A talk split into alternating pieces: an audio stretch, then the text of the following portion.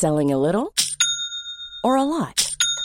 Shopify helps you do your thing however you cha-ching. Shopify is the global commerce platform that helps you sell at every stage of your business. From the launch your online shop stage to the first real life store stage, all the way to the did we just hit a million orders stage. Shopify is there to help you grow. Shopify helps you turn browsers into buyers with the internet's best converting checkout. 36% better on average compared to other leading commerce platforms because businesses that grow grow with Shopify. Get a $1 per month trial period at shopify.com/work. shopify.com/work. Burrow's furniture is built for the way you live. From ensuring easy assembly and disassembly to honoring highly requested new colors for their award-winning seating, they always have their customers in mind. Their modular seating is made out of durable materials to last and grow with you. And with Burrow, you always get fast, free shipping. Get up to 60% off during Burrow's Memorial Day sale at burrow.com slash ACAST. That's burrow.com slash ACAST. burrow.com slash ACAST.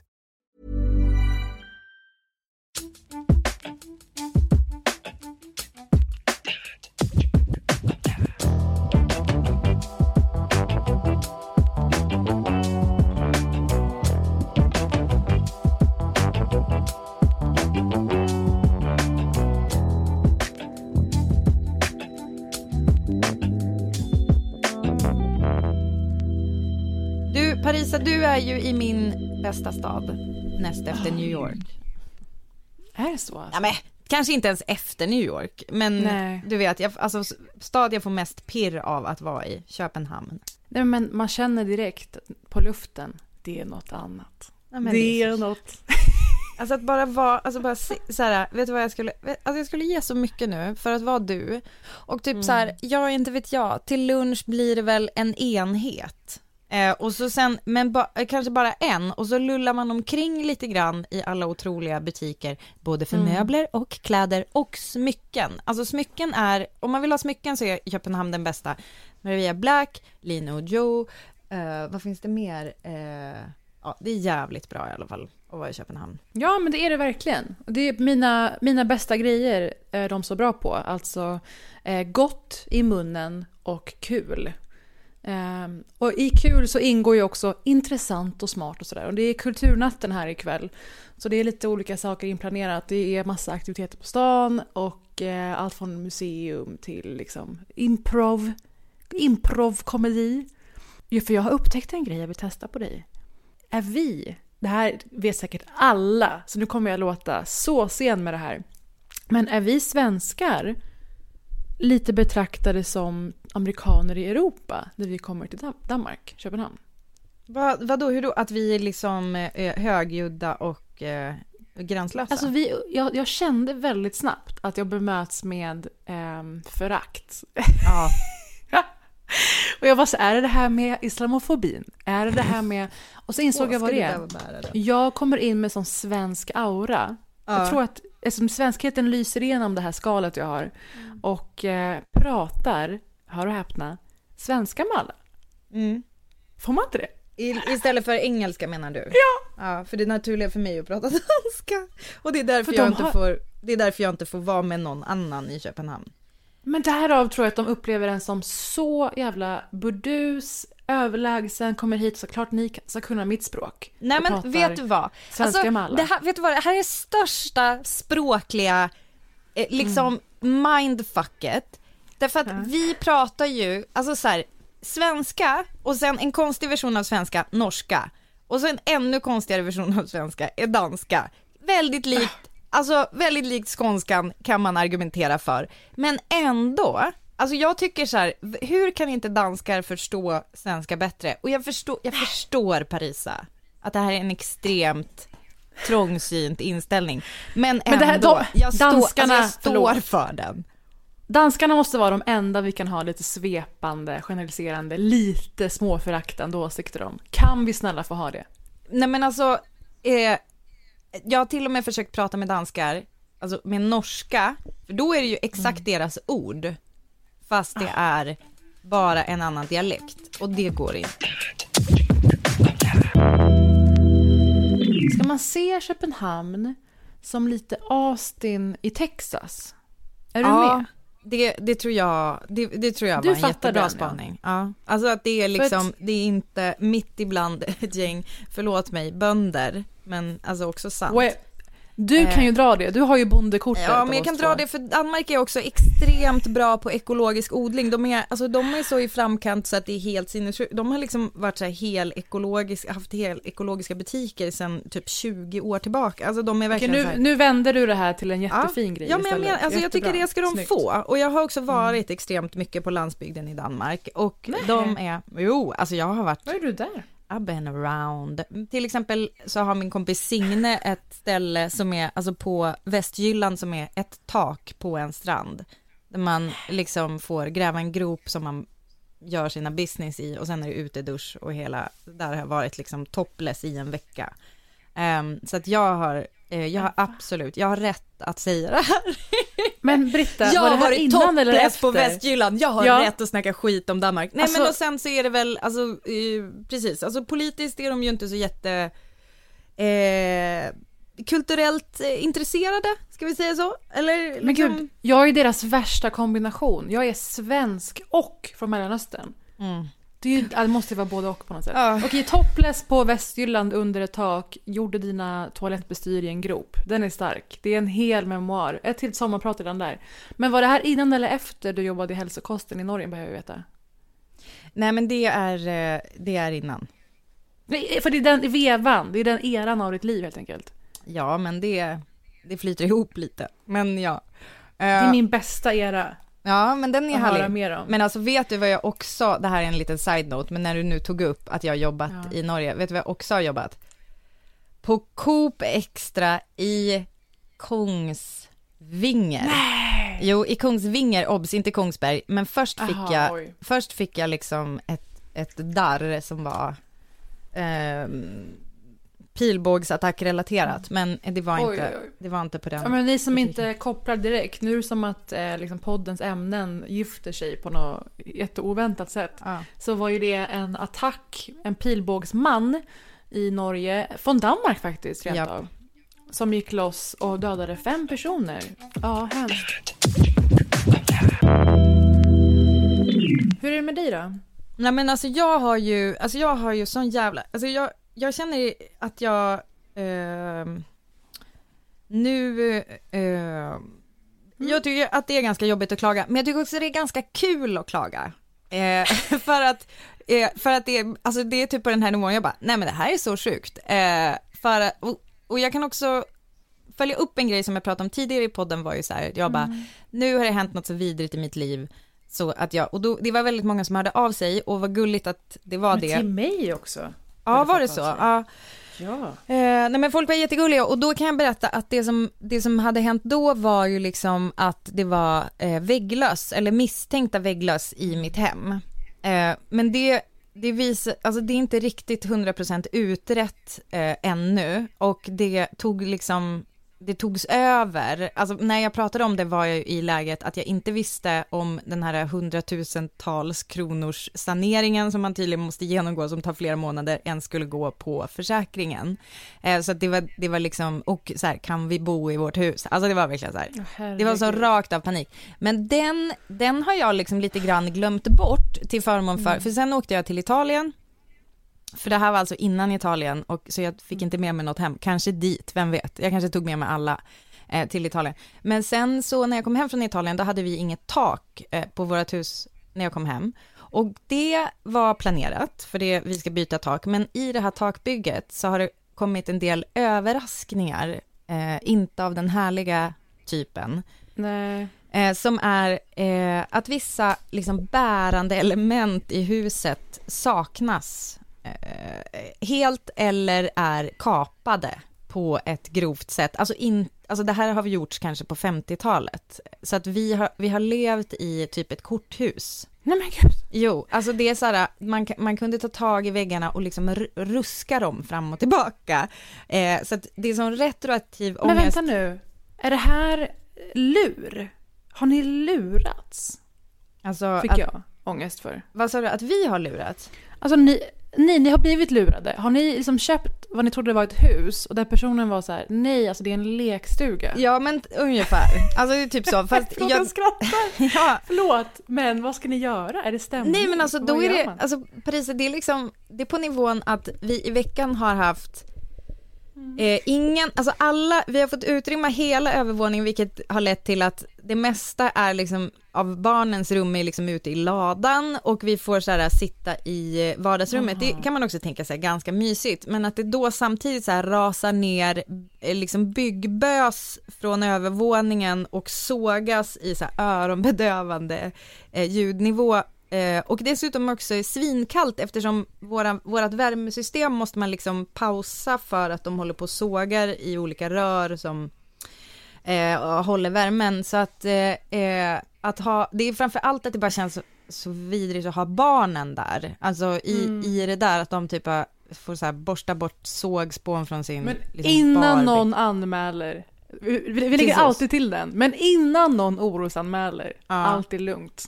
Så, så, ska ni veta, så ska ni veta att det blir jävligt snyggt sen.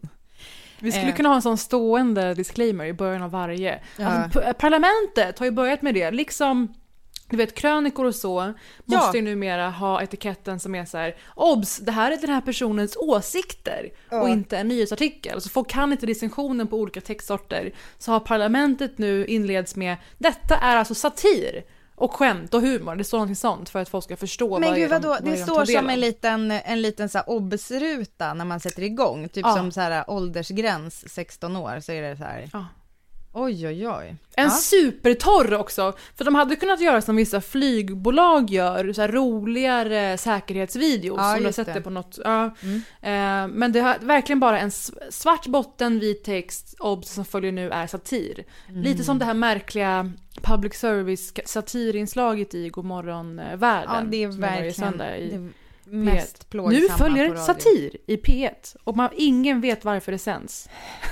Nej men det, jag, vet, jag tror att jag vet varför det sänds. Det är för att Rakel Molin ska få visa hur många olika dialekter hon kan göra. Och hon kan hon det. Kan. Hon är jätteduktig hon på det. Alltså hon är det. Hon är en till disclaimer. Mm. Vi börjar varje avsnitt med att obs, barnen mår bra, the kids are alright mm. och Rakel Molin kan verkligen imitationer. Ja, alltså hon kan många olika dialekter. ja, okej okay, men så eh, planen då att ni ska fortsätta bo i det här och när är det här löst? Nej men vet du Parisa, alltså igår kom jag hem mm. med eh, liksom två trötta hungriga barn och det var så här, iska, jag måste börja göra en brasa i kakelugnen. Oh. Eh, man, man, får, man känner släktskap med så här, inte vet jag, Bronte-systrarna. Eh, Nej inte ens det, bronsåldern.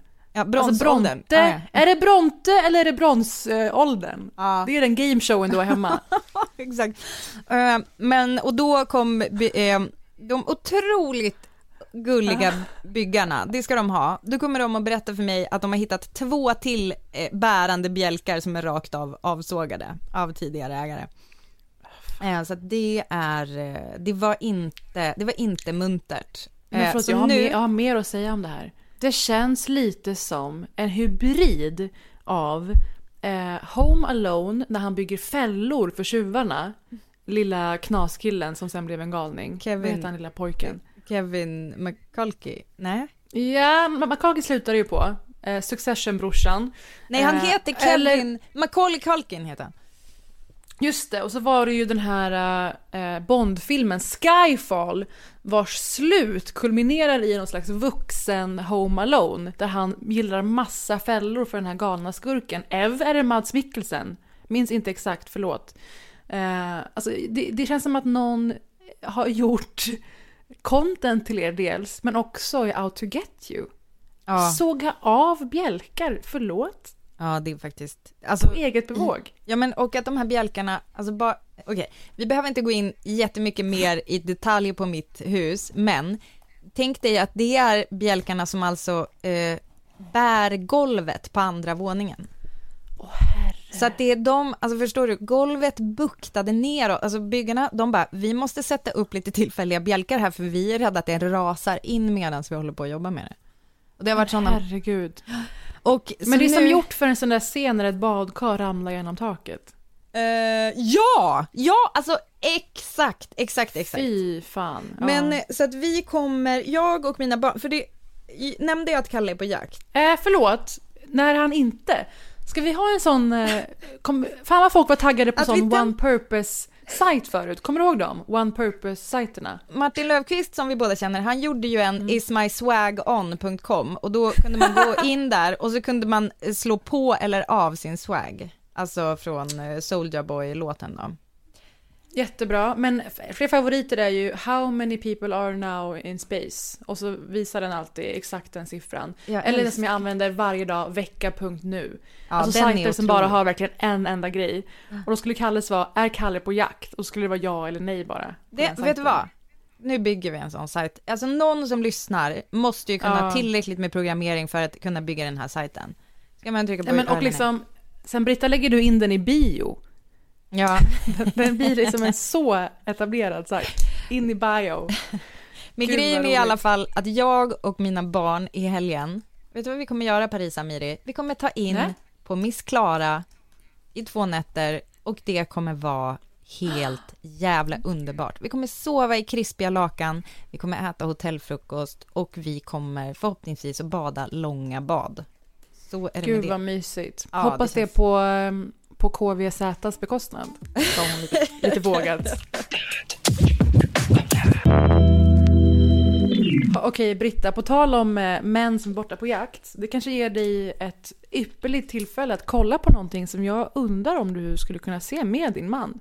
Nämligen, nämligen den uppdaterade versionen av Bergmans klassiska Scener ur ett äktenskap. Oh, har du Scenes sett of a den? marriage på HBO. Gud, vad Någorlunda. kul.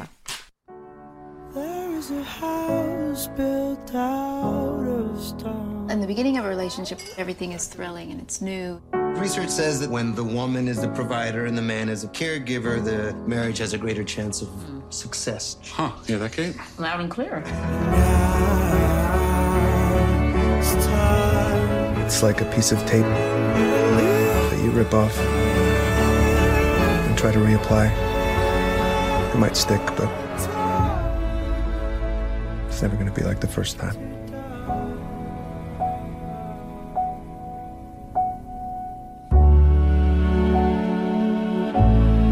Det är Jessica Cha- Chastain och han, what's his face, som står och liksom sniffar henne Han på som armen. borde vara gift med mig, Oscar Isaac. Ja, Hubby!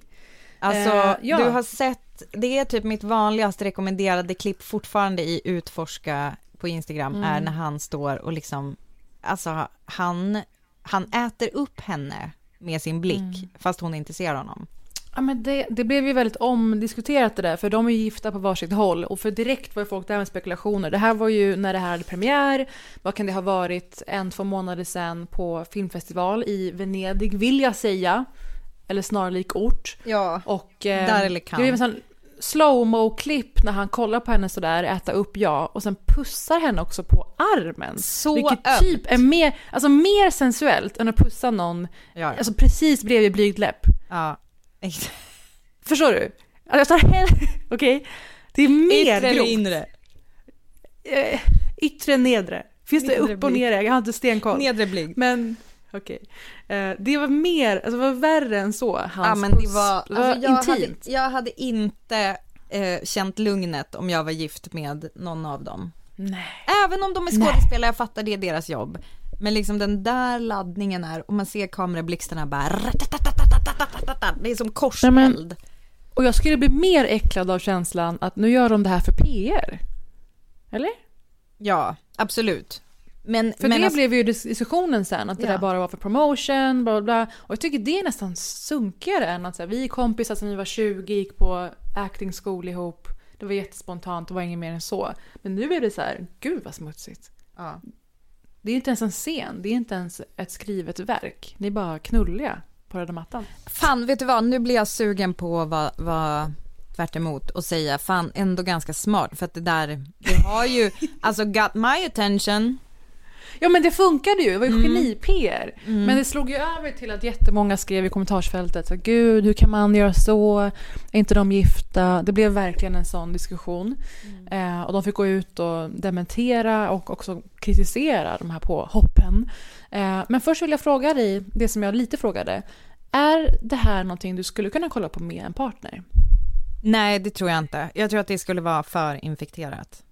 Alltså för jag, som jag Ja. har fattat det så är det ju eh, ändå ganska liksom verkliga eh, problem och funderingar man har i ett äktenskap. Och Mm. eh, rätta mig om jag har fel, jag tror att de har i den nya versionen också vänt på det lite så att det är kanske kvinnan som är den upptagna Mm. eh, av sin karriär typ och mannen som eh, känner sig tagen för given men att det ändå är det temat, eh, alltså jag vet inte, vi liksom kanske eh, Nej, alltså jag skulle inte kunna det. Jag vill se för mig själv och sitta och elda upp Mm. mig i över eh, hur sur jag är över orättvisorna. Mm.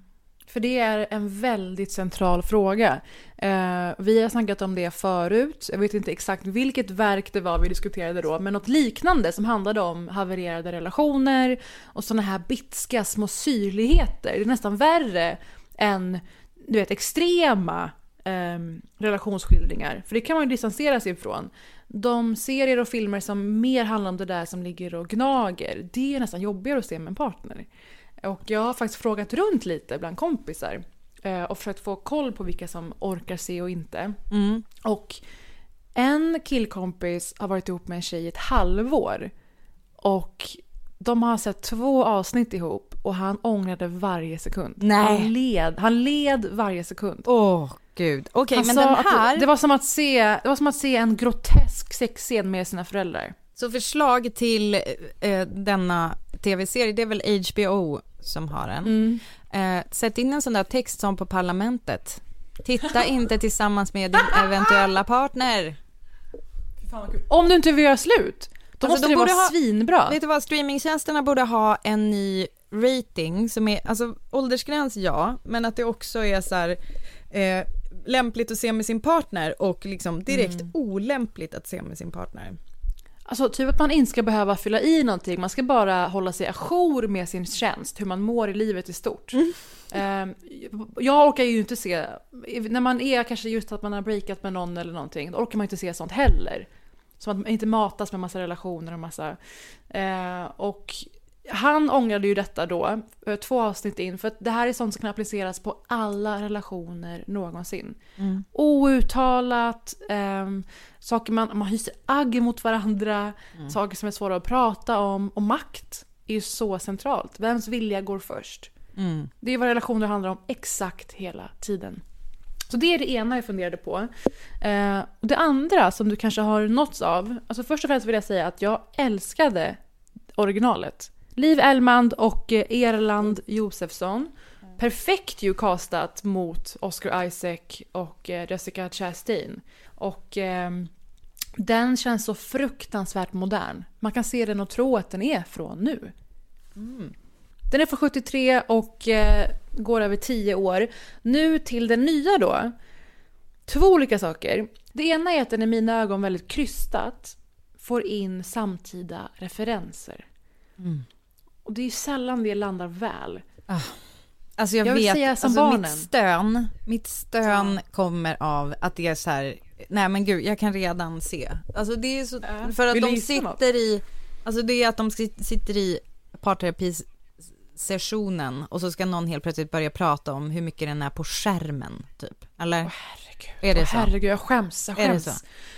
Nej men eh, det är ju en liknande sekundärskam. Barnen kallar det för cringe. Mm. Jag är inte bekväm med att använda mig av cringe till höger och vänster. Och min rädsla inför att använda ordet cringe, så rädda borde folk vara för att använda samtida referenser i serier till höger och vänster. Eh, nej, det, bland det första som händer i avsnittet är att de ska säga sina pronomen under en intervju. Jaha, ja. Laget runt. Ehm, Jaha, det är grupp.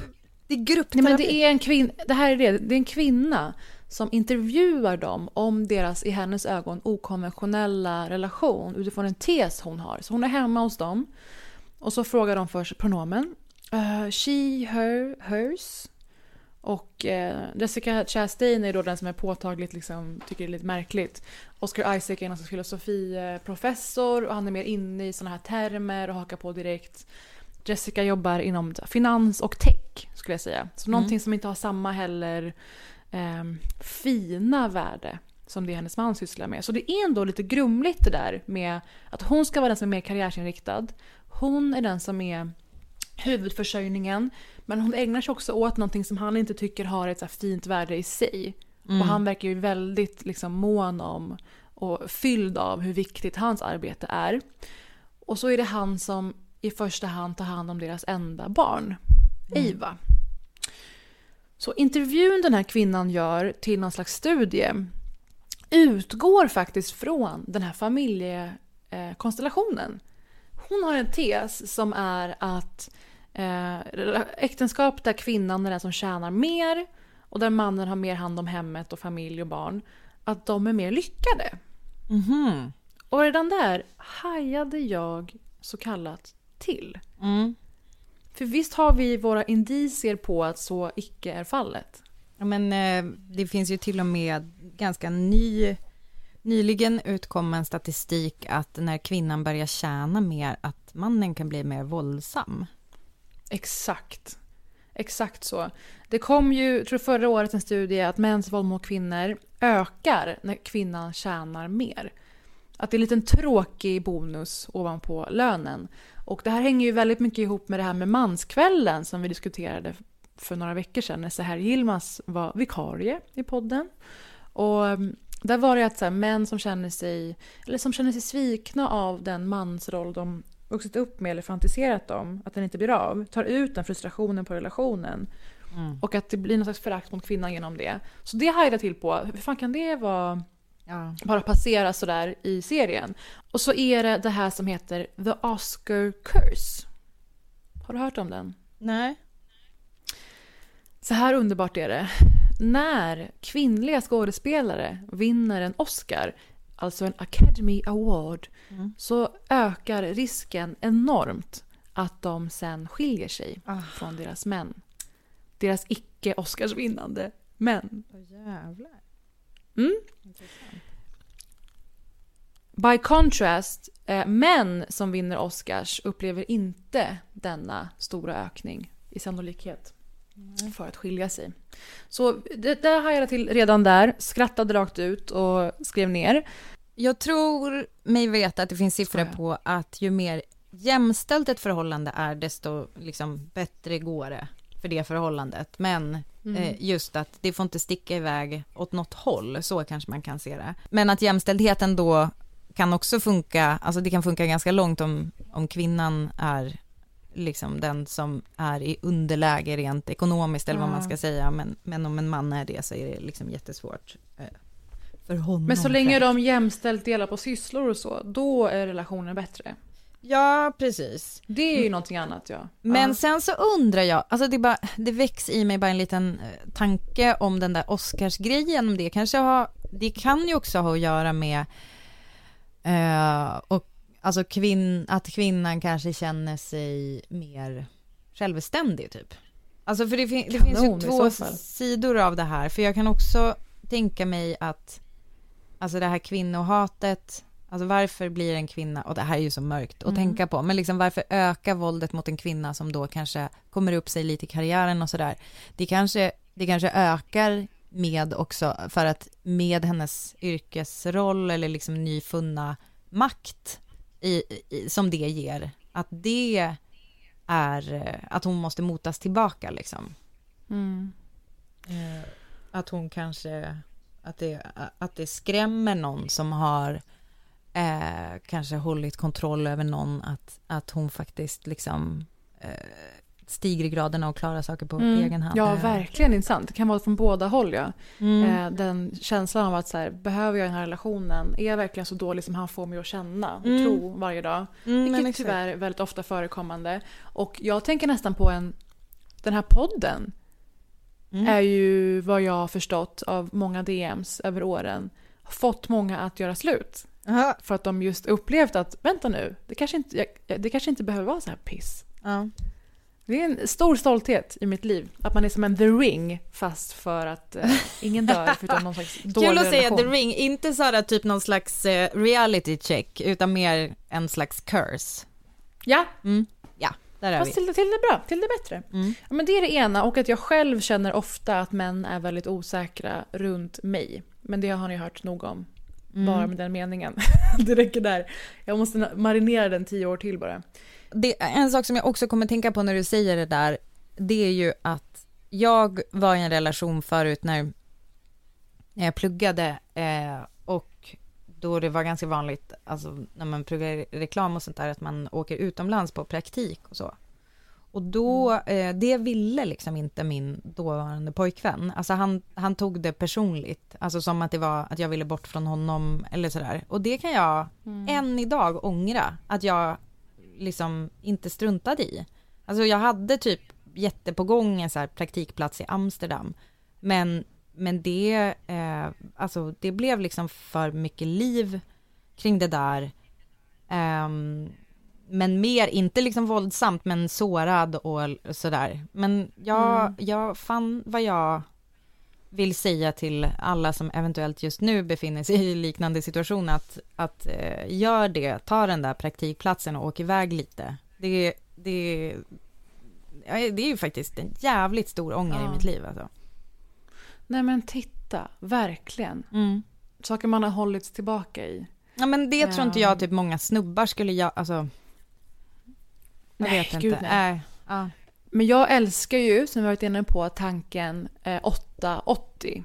Alltså vad hade mitt 8 kontra 80-åriga jag tyckt om det här beslutet nu? Eller hur jag mår nu eller hur jag har det nu. För man känner ju mer empati för 8-åriga Parisa eller 80-åriga Parisa. Att hon ska inte behöva ångra en massa skit eller att hon blev av med en massa roliga möjligheter och upplevelser. Ja. Och jag vill inte att 8-åriga Parisa ska bli utsatt för om man har varit utsatt för liksom någon respektlös relation eller pissig person. Mm. 8 och 80! Det är Ta jättebra. fan alla jävla chanser. Ja men liksom svik inte ditt inre barn som har de där drömmarna och så vidare. Ska jag lansera det som 5-2?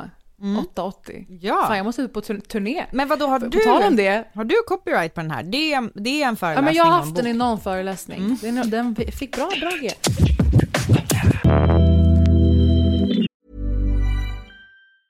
A lot can happen in three years, like a chatbot may be your new best friend. But what won't change? Needing health insurance. United Healthcare Tri Term Medical Plans, underwritten by Golden Rule Insurance Company, offer flexible, budget friendly coverage that lasts nearly three years in some states. Learn more at uh1.com.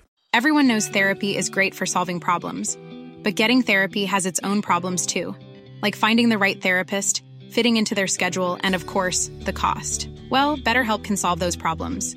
It's totally online and built around your schedule. It's surprisingly affordable too. Connect with a credentialed therapist by phone, video, or online chat, all from the comfort of your home. Visit betterhelp.com to learn more and save 10% on your first month. That's BetterHelp H E L P.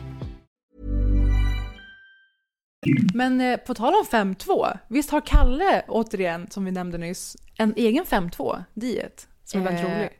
Ja, Minns du? Jag tror jag minns annars. Träna fem dagar, vila två typ. 5-2-dieten. Träna fem Aha. dagar, vila två. Ät vad du vill, ät vad du vill. Ja, just det, förlåt, den är viktig också. Vila två. Så jävla bra! Eh, Okej, men det här med eh, Scenes of a Marriage vidare. Mm. Och det här jag pratade om med att de försöker få in samtida eh, referenser. Ja. Det kan göras bra också, men jag tycker verkligen att det nyss blev okej med sms i serier och filmer. Det gjordes ganska pinsamt. Eh, yxigt första åren. Ja. Det kändes fel. Eh, och nu då, jag var inne på pronomen, det är också den här parmiddagen som den första, som originalet är väldigt känt för. Där man börjar artigt och så långsamt så börjar fasaderna kra- krackelera och man får se folks riktiga konflikter. Då är ju såklart den nya faktorn det öppna förhållandet. Ja. Som alla eh, samtida par verkar det som någon gång har nosat på och som ju hör väldigt mycket till vår tid och era. Man, man funderar över monogami, man funderar över ett långt liv, vad går det ut på hit och dit. Och det ska ju såklart ha sin plats även i den här serien. Och jag tycker det var, det var ganska intressant och eh, välgjort, även om det känns kalkylerat. Att så här, åh, 2021, vad vill folk se? Som att de har gjort en, en liksom, tavla och bara post-itat loss. Ibland känns det ju så att man strösslar eh, faktorer över någonting än att det är genuint integrerat i berättandet. Ja men då är just, det ju... just det här blev ganska bra. Ja men, ja, fast då undrar ju jag om, om det gjordes snyggt, om det blir som att man blir så medveten om det. För jag gillade ju Ja, väldigt det är mycket bara jag här... är så cynisk tror jag. Ja, men jag gillade ju väldigt mycket den här Wonderlust med Tony Collette i huvudrollen. Ja! Ah. Och då Så var det ju, bra! då kändes det ju inte som så här, jaha, typ nu ska vi göra något som är i tiden, utan det var bara så här, Nej. gud, en genuint kärleksfullt berättad historia om en kvinna som känner att hon vill liksom ha något mer utav livet. Eh, Mm. Det, det, kändes, eh, det kändes bra i alla fall. Ja men verkligen, och att den kändes djup och sympatisk, de får följa båda. Och ehm, ja men det var ganska intressant. En till dimension av komplexa känslor och eh, konflikter i vår tid. Så kommer du se Scenes of a Marriage? Blev du något pepp? Eh, ja, absolut. Det känns ju som väldigt bra kvalle på skådisarna. Ja. Och eh, det är ett eh, väldigt intressant ämne. Men jag kommer se den ensam, kanske Mm. efter några enheter. Ja, absolut. Men jag måste säga Jessica Chastain, jag har aldrig varit ett... Alltså jag har alltid uppskattat henne och beundrat henne. Men det här är första gången jag har känt att jag verkligen, att jag verkligen är ett fan. Hon, är, hon är så uttrycksfull. Det räcker med en liten blick, bara någon minimimik i ansiktet. Det är som att hon är... Mikroskopisk nivå av eh, ansiktsuttryck, men som ger så mycket. Jag är jätteimponerad, rakt av. Eh, hon eh, outshinar också min favorit, Oscar Isaac, så det säger ju någonting. Jag blir svinsugen att se. Frågan är Parisa om man ska se det i som ett slags typ bokklubb fast med kompis, alltså med, rörligt men också med kompisar. Alltså istället för att titta med sin partner skulle vara ganska intressant och kanske, för det känns som att man kanske vill snacka med någon om det Ja. efteråt fast inte, absolut inte sin partner. Och inte kanske publikt i en podd heller, för det är lite känsligt. Ja. Men jag har, man, bara, man känner saker när man ser detta. Och det vill jag också lägga till att jag uppskattar verkligen att den här inte har släppts alla avsnitt i ett ryck. Jag har ju sagt det förut att jag tycker att den här binge-hetsen gör att man inte vet var alla andra befinner sig i tittandet. Eh, man vet inte var man kan lägga nivån om man kommenterar det. Dels som liksom skribent eller vad fan det nu är.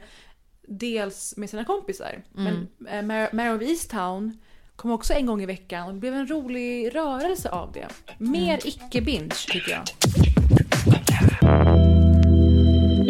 Du vet ju att jag när jag känner mig svag i psyket ägnar mig åt eh, väldigt intensivt åt att fly verkligheten. Alltså även fast jag egentligen kanske inte riktigt har tid så konsumerar jag ju typ extremt mycket till exempel romcom, läser eh, och eh, alltså saker som är lena mot själen som inte skaver så mycket och som går ganska lätt. Och så eh, har jag också eh, liksom halvtittat ska jag säga lite på tv eftersom, eller ja, skärm, streamingtjänster Därför att jag, då klämmer jag liksom in det typ medan jag käkar frukost. Alltså förstår du? För att det blir som en, mitt, min hjärna funkar så att jag måste, jag måste liksom slå ut med någonting annat. Förstår du? Alltså annars går den som hela tiden. Så att jag måste, jag måste liksom släcka orostankar eller typ så här, åh jag måste ringa elektriker och jag måste skicka det där mejlet och lalala.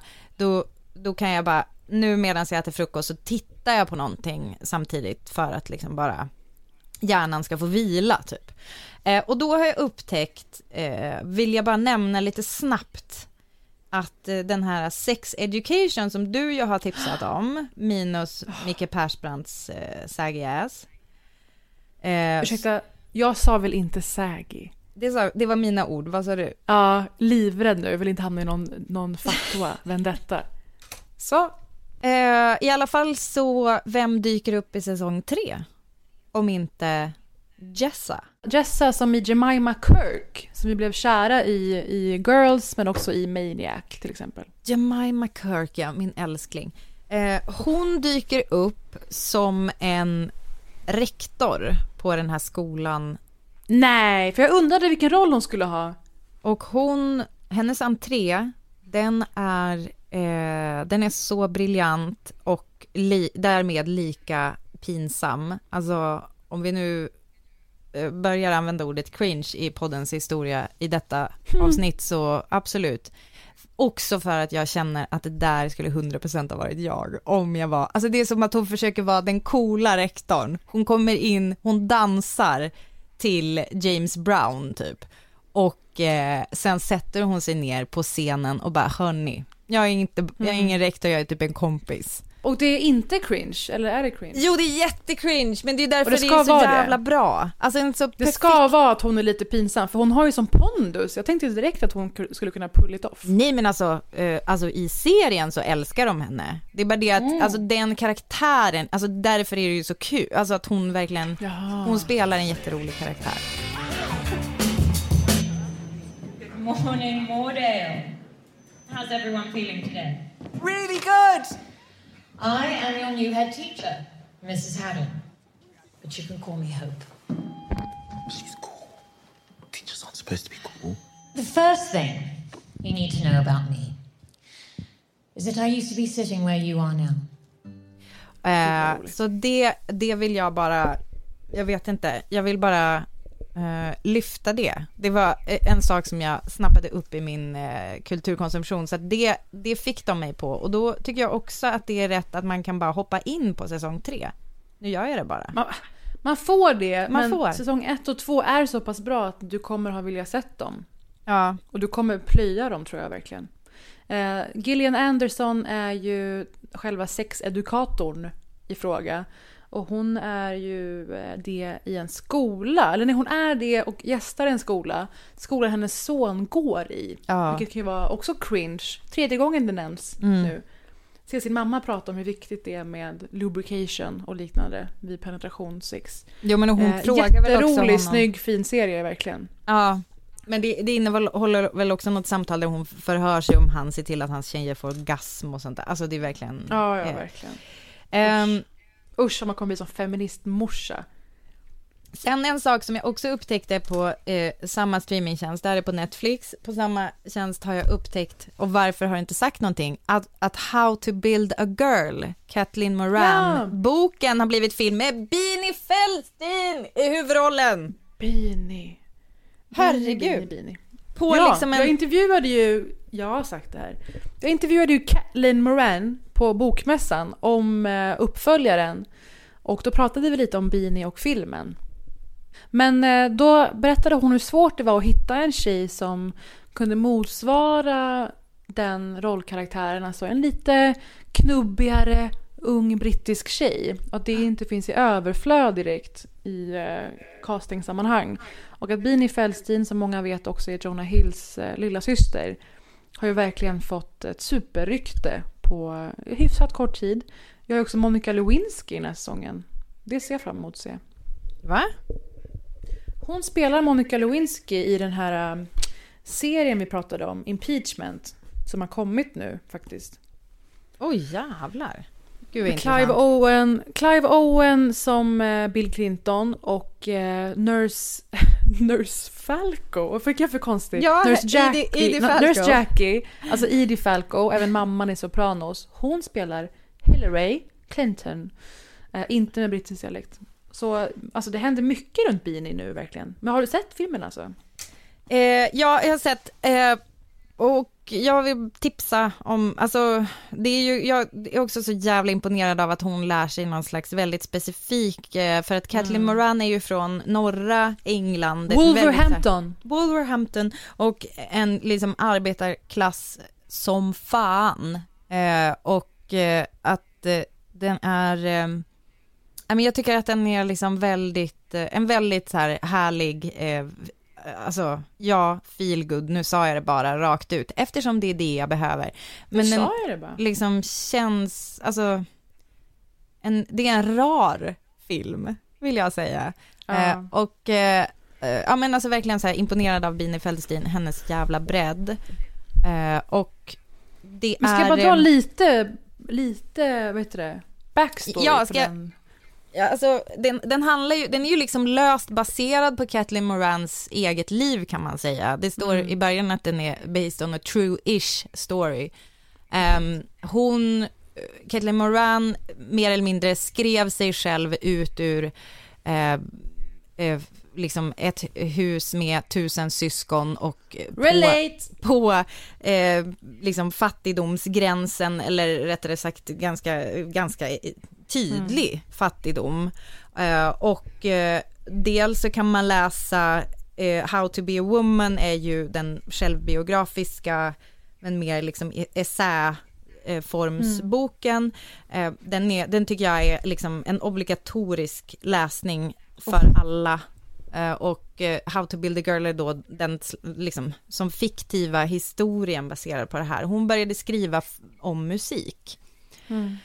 Eh, och genom sin röst, genom sin penna, eh, så tog hon sig ur. Och eh, en, en låt som börjar eka i mitt huvud nu, det är ju, för jag har ju tidigare tipsat om Alexander Hamilton, eh, musikalen. Ja. Där på Ha- Hamilton Mixtape finns en låt med Allo Black och Nas som heter Wrote My Way Out, Mm. som är jävligt bra. Och eh, det är det hon gör. Det har ingenting med saken att göra, det var, eller jo det har det, men det var en side Mm. note. Eh, och eh, ja, så den kan man verkligen se för... Fan vad kul! Ja, How much longer am I going to have to be here? I need your help. I want to burn. I want to explode. I want to have sexual intercourse. Someone who has a car. What's a car? Darling, have you ever done an interview before? I've never done an- anything before. These are the places you come where you can dance and scream and be with your own kind, where everything is possible. This we would like to run in the next issue. Thank you. Thank you very much, ma'am. Are you in fact pretending to be Elvis right now?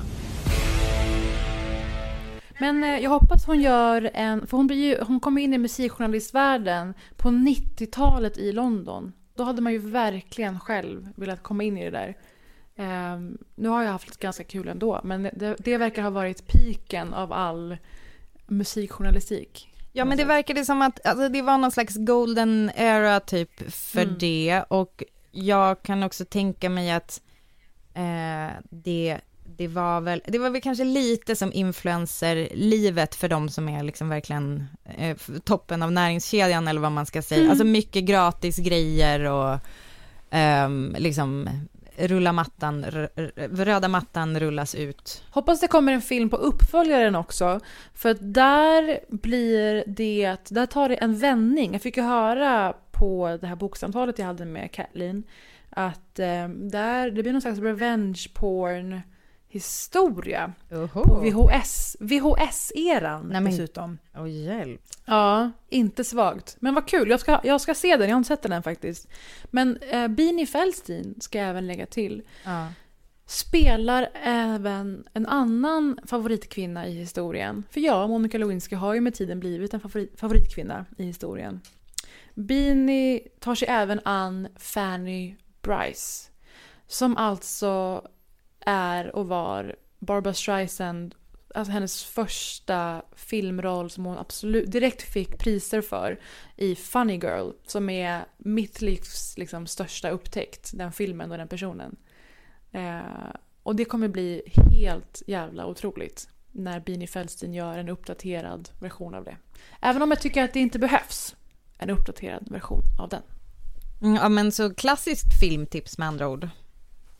Ja men jag tror att den Funny finns på Girl. Netflix faktiskt i talande stund. Eh, Oh. Funny Girl. Och den ska man ha sett. Den är helt otrolig. Alltså Man Barbara kan inte förstå, Streisand-varianten. man kan inte förstå hur den inte gjord igår. Den är så rolig, skarp och Barbara Streisand är alltid en charmig, älskvärd, perfekt, fantastiskt rolig komedienn.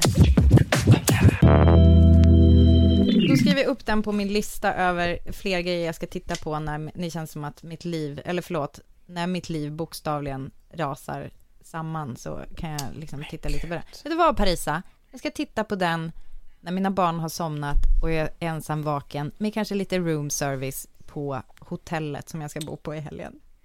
Men gud vad glad jag är att det finns en silver lining till den här historien. Men vet att du du vad? ändå ska få fly lite. Men vet Ja. du, jag ska också säga en silver lining. Alltså det är också, det kommer bli så jävla underbart när det är klart. Alltså jag typ älskar mitt hem som det ser ut i framtiden. Men just nu så är, det, är det kämpigt. Du, är du bra på att leva i eh, framtiden, i visionen? Eh, Jag är extremt bra på fantasi, alltså att, Mm. att bara projicera mina eh, tankar, alltså så här, ja så här, alltså där alla bara, nej men här, det här uppbrutna, ruttna golvet, då jag bara, men när det ligger trä över, alltså det, det är liksom, jag är jättebra på det, Wow. men det är också, alltså to a fault, att jag kan stå ut med väldigt mycket, och nu när jag utsätter det, min familj Det för- en... För jag har ju snarare att jag inte kan stå ut ens jättelite. Fast jag Mhm. kanske borde. Det är inte heller så jättebra, utan jag känner direkt att om det är lite dåligt, jaha, nu kommer det alltid vara så här dåligt, då vill inte jag. Eh, det är inte toppen det heller. Nej, nej, Nej. Det, det låter jobbigt. Alltså dålig. Eh, när jag var på Unicef-resa så fick jag lära mig, lära mig glosan resilience. Du, du är kanske Ja. inte så resilient med andra ord. 100% nej tyvärr. Sen skulle jag vilja föreslå en grej eh, Mm. som är kanske absolut en unpop opinion, men eh, och det har ingenting med min feelgood-grej att göra, utan apropå det här pilbågs-grejen. Eh, grejen. Eh, och att vi ju vet, alltså, och också relaterar till det här med att kvinnor blir liksom misshandlade värre när de eh, börjar tjäna mer pengar och sånt där. Alltså, eh, får man föreslå, och har någon annan kanske redan gjort det så stoppa mig, men vad, hur skulle det vara om vi införde en mansskatt? Eh, det här har jag tänkt på. Ska jag förklara? Alltså Du tänk så här, och Gudrun. om, men jag har precis betalat ehm, försäkring till våra hundar och eftersom de är jakthundar så får man ju betala ganska mycket högre försäkringspremie eftersom det är ganska likely att de kanske behöver ganska avancerad eh, läkarvård, förlåt, veterinärvård kanske man säger. Eh, och då, det tycker alla är rimligt. Alltså så här, ja, ni har bedömt, vi har gjort en sannolikhetsuträkning här och så sen så får ni en högre taxa. Det tycker jag alla är, är helt fair. Eh, till exempel också då försäkring, tror, alltså jag tror att det är så här dyrare också att eh, ha en försäkring på, ehm, eller anledningen varför typ folk under 24 inte ens får hyra bil, fast de har haft körkort sedan de är 18, det är för att så här, well, ni är inblandade i lite fler olyckor, så att vi, vi, vi stoppar den bara helt enkelt. Och sen kan det till och med vara så att det är dyrare att hyra en bil om man är typ under 30. Eh, Fan vet jag. Min poäng är i alla fall så här, om man vet, alltså det man vet, man har liksom massor av data, man har massa statistik, att det finns en grupp människor som inte är inblandade i till exempel trafikolyckor i samma utsträckning som andra. Och det är kvinnor. Kan Mm. man inte liksom, förstår du vad vad jag är inne på här? Att då kanske man inte har lika hög försäkringspremie. Och om man då, alltså för man kan ju också se, alltså skatten är ju ett slags försäkring. När vi betalar in pengar för att vi liksom kanske behöver läkarvård och så vidare. Och då tycker jag bara att när det finns liksom en sån tydligt utpekad grupp som är prone att eh, ställa till med en massa grejer som ko- kostar jättemycket pengar. Och senast jag tänkte på det här var i samband med nu när man har börjat släppa på med publik till eh, fotbollsarenor. Ja. Så dyker det där snacket upp igen med, eh, ska det vara en slags kollektiv bestraffning då för, eh, alltså folk, när folk har så här pyroteknik och sånt där i olika Mm. klackar. Och du var ju på eh, Jag var och vevade en bengal. Är det det du vill säga? Det var, Nej, det, jag, det var absolut. det. Du, Jag stod du i smugglade ju in klacken. en bengal under din eh, Jag stod i klacken för, för AIK och det är ett problem för spelarna, domarna, polisen, alla som har arenorna och allting. Eh, och spelarna måste ibland springa fram till sin egen klack och säga kan ni snälla sluta? Ja. Vi pausar matchen varenda gång och nu är det till och med på vår planhalva ni fackar. Vad är logiken i det här? Eh, så ja, ja. Och då, jag bara, det är liksom, mitt förslag är bara eh, att vi, det, det är, då, då höjer vi lite, då tar vi in de där pengarna, för alltså vad det kostar samhället med polisinsatser vid den typen av evenemang. Eh, och vad det också kostar samhället att de, det är då en massa poliser som inte kan komma på en massa andra larm. Eh, det tänker jag bara att man då skulle kunna rimligen justera i att man helt enkelt får Gud, betala mer i skatt om man alltså är det, man. det är spännande Det spännande nu är att, att ens våga gå in och eh, nyansera det här lite, vare sig det nu råkade det bara bli fotbollsexemplet, men var det en, en är där män är eh, ytterst närvarande, är att det blir en sån ryggmärgsreflex hos så många. Eh, och jag vill lägga till en till grej i mixen här. Och det är hur lite rabalder det tyvärr blir, alltså motsvarande rabalder det blir när någon, typ Nina Rung, vågar kritisera fotbollssupporterkulturen. Eh, då går ju olika viktiga manliga skribenter ut och skriver dräpande svar, alltså använder krönikeyta till att säga att nej men det här och det här är fel, det här stämmer inte. Och eh, det blir ju, jag hade gärna sett dem bli lika irriterade när man ser hur att vara kvinna, kvinnlig medborgare, hur de specifika resurserna slaktas dag Mm. ut och dag in. Ja. Senast igår, detta i DN. Nyförlösta skickas hem redan efter sex timmar. Ja, jag tror att det var här Att- någonstans jag började. Ja, att även förstföderskor ska skickas hem sex timmar efter förlossning är en i raden av organisatoriska förändringar för barnmorskor på Östra sjukhusets förlossningsavdelning. Och här är ett ord som jag hade tänkt ta upp idag faktiskt, så det var bra att du kom in på det. Ehm, Det är en skyddsombudet uppger att det blir ett jätteproblem när man har framför sig ett gråtande föräldrapar som inte vill gå hem och inte uppfattar att allt gått bra eller att man är frisk. Det blir en väldig samvetsstress för många. Mm. Samvetsstress. Det är ju direkt tjänstefel, tänker jag. Det är ju direkt omoraliskt. Men det är så mycket nu med de här begreppen. Mm. Att hon väljer att säga samvetsstress istället är ju för att minska kanske allvaret eller vad det kan vara i, i det. Ja men de har ju direktiv från högre makter Mm. och att, som ska verkställas och det är klart att då sitter man i den där jävla eh, skruvstädet och eh, mår piss men måste ändå Mm. liksom göra det. Så att ja, det var väl, jag kan tycka att det var väl ett okej ord men absolut att det är ju tjänstefel som sätter dem i den där situationen. Nej, men jag menar att då blir det en fråga istället om en subjektiv uppfattning hos den enskilda vårdpersonalen. Istället för att det är ett jätteproblem strukturellt i landet. Alltså samvetsstress är ju på individnivå. Mm. Hur den personen måste hantera sin, liksom det här nackdelen med dess yrke. Mm. Eh, medans eh, tjänstefel eller det blir en, men ett svek mot de här kvinnorna eller vad fan som helst. Det yrkar ju mer mot helheten. Mm. Så de väljer ju sådana begrepp för att de kanske inte vågar ta de stora striderna. Nej, just det. Och jag tycker att det är bra att, att de tar striderna. Men jag bara kände när jag läste det här att det, de gränserna förflyttas ständigt. Utan att de här motsvarande krönikörerna, då, manliga skribenterna, eh, höjer rösterna. De, men de är väldigt snabba på att gå ut och, och försvara saker som hotar deras fotbollskultur. Däremot. Ja men, ja men en grej som många, alltså som vill förklara, försvara de här bengaliska eldarna med, för att de är ju en säkerhetsfara, det är ju därför de är förbjudna. Eh, och Mm. det är, då är det många som vill försvara det med att det hör till deras upplevelse. Eh, och det är liksom, alltså allt är så fucking tunt och jag älskar att du tog upp den parallellen, för att det var ju, alltså det som, det som är poängen är ju att kvinnor hela tiden förbises eh, i beslut som, alltså på då, när man använder skattepengar. Att man tar en massa resurser från kvinnor kan man göra liksom hur som helst. Och egentligen kanske jag skulle föreslå då att det kanske snarare är då skattelättnader för kvinnor, eh, så behöver inte männen bli så Mm. upprörda. Eh, utan Ja, att det är så här, också så här, kan vi, på kan vi bara få ha... Förlåt.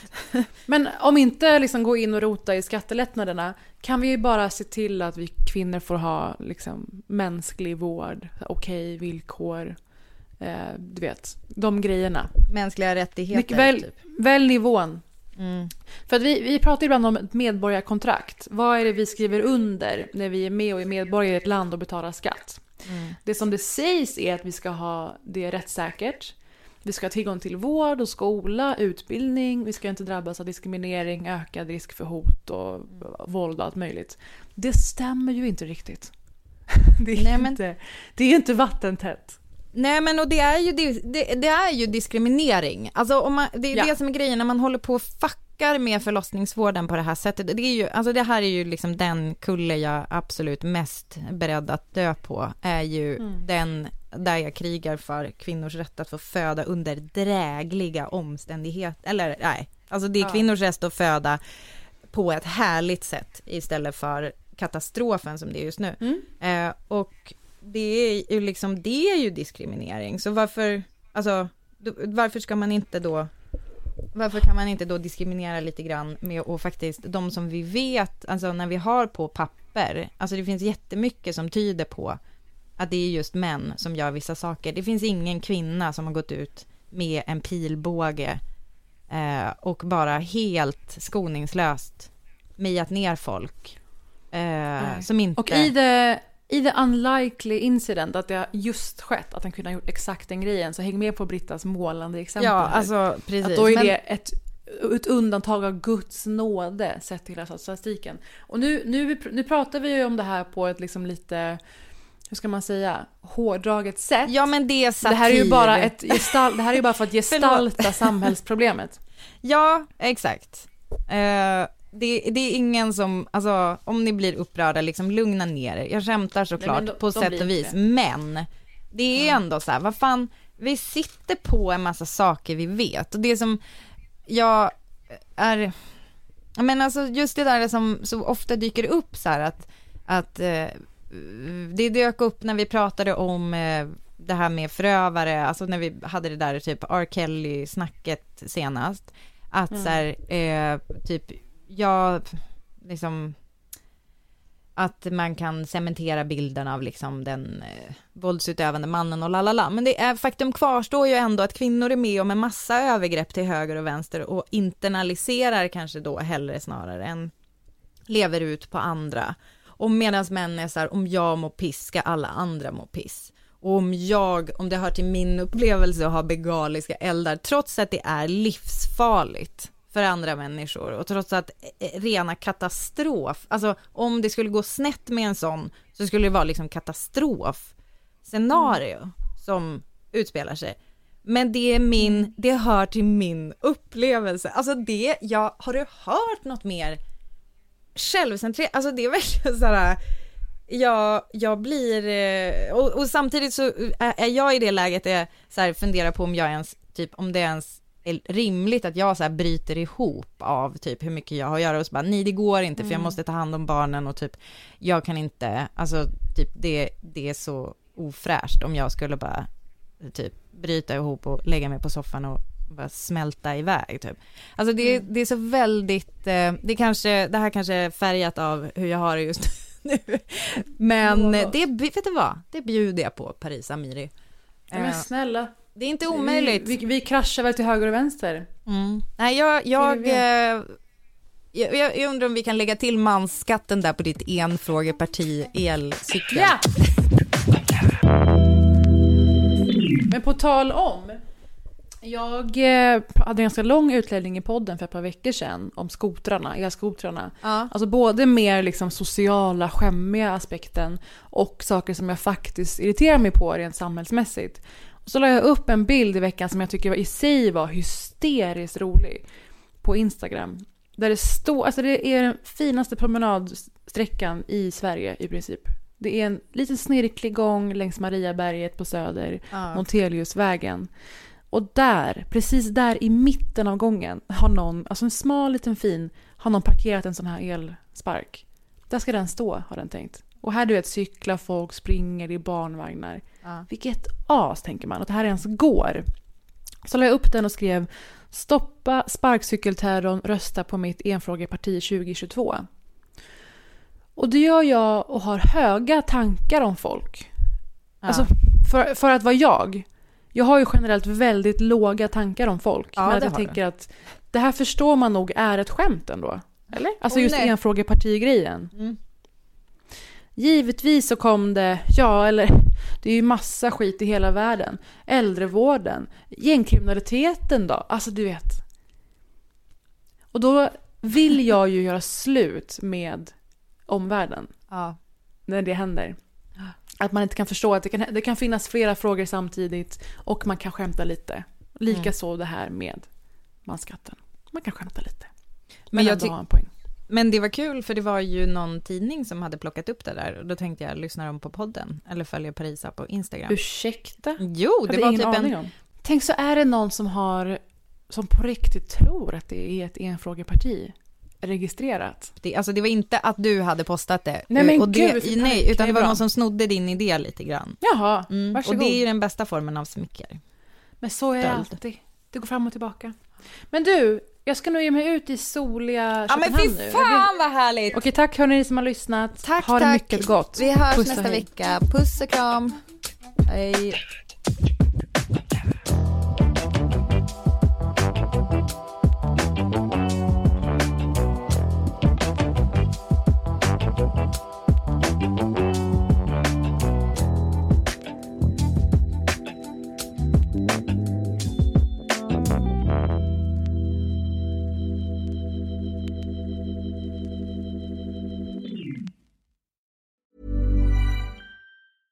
Hey, it's Paige DeSorbo from Giggly Squad. High quality fashion without the price tag. Say hello to Quince. I'm snagging high-end essentials like cozy cashmere sweaters, sleek leather jackets, fine jewelry, and so much more. With Quince being 50 to 80% less than similar brands. And they partner with factories that prioritize safe, ethical, and responsible manufacturing. I love that. Luxury quality within reach. Go to quince.com slash style to get free shipping and 365 day returns on your next order. Quince.com slash style. Even when we're on a budget, we still deserve nice things. Quince is a place to scoop up stunning high-end goods for 50 to 80% less than similar brands. They have buttery soft cashmere sweaters starting at $50, luxurious Italian leather bags, and so much more. Plus, Quince only works with factories that use safe, ethical, and responsible manufacturing. Get the high-end goods you'll love without the high price tag with Quince. Go to quince.com slash style for free shipping and 365-day returns.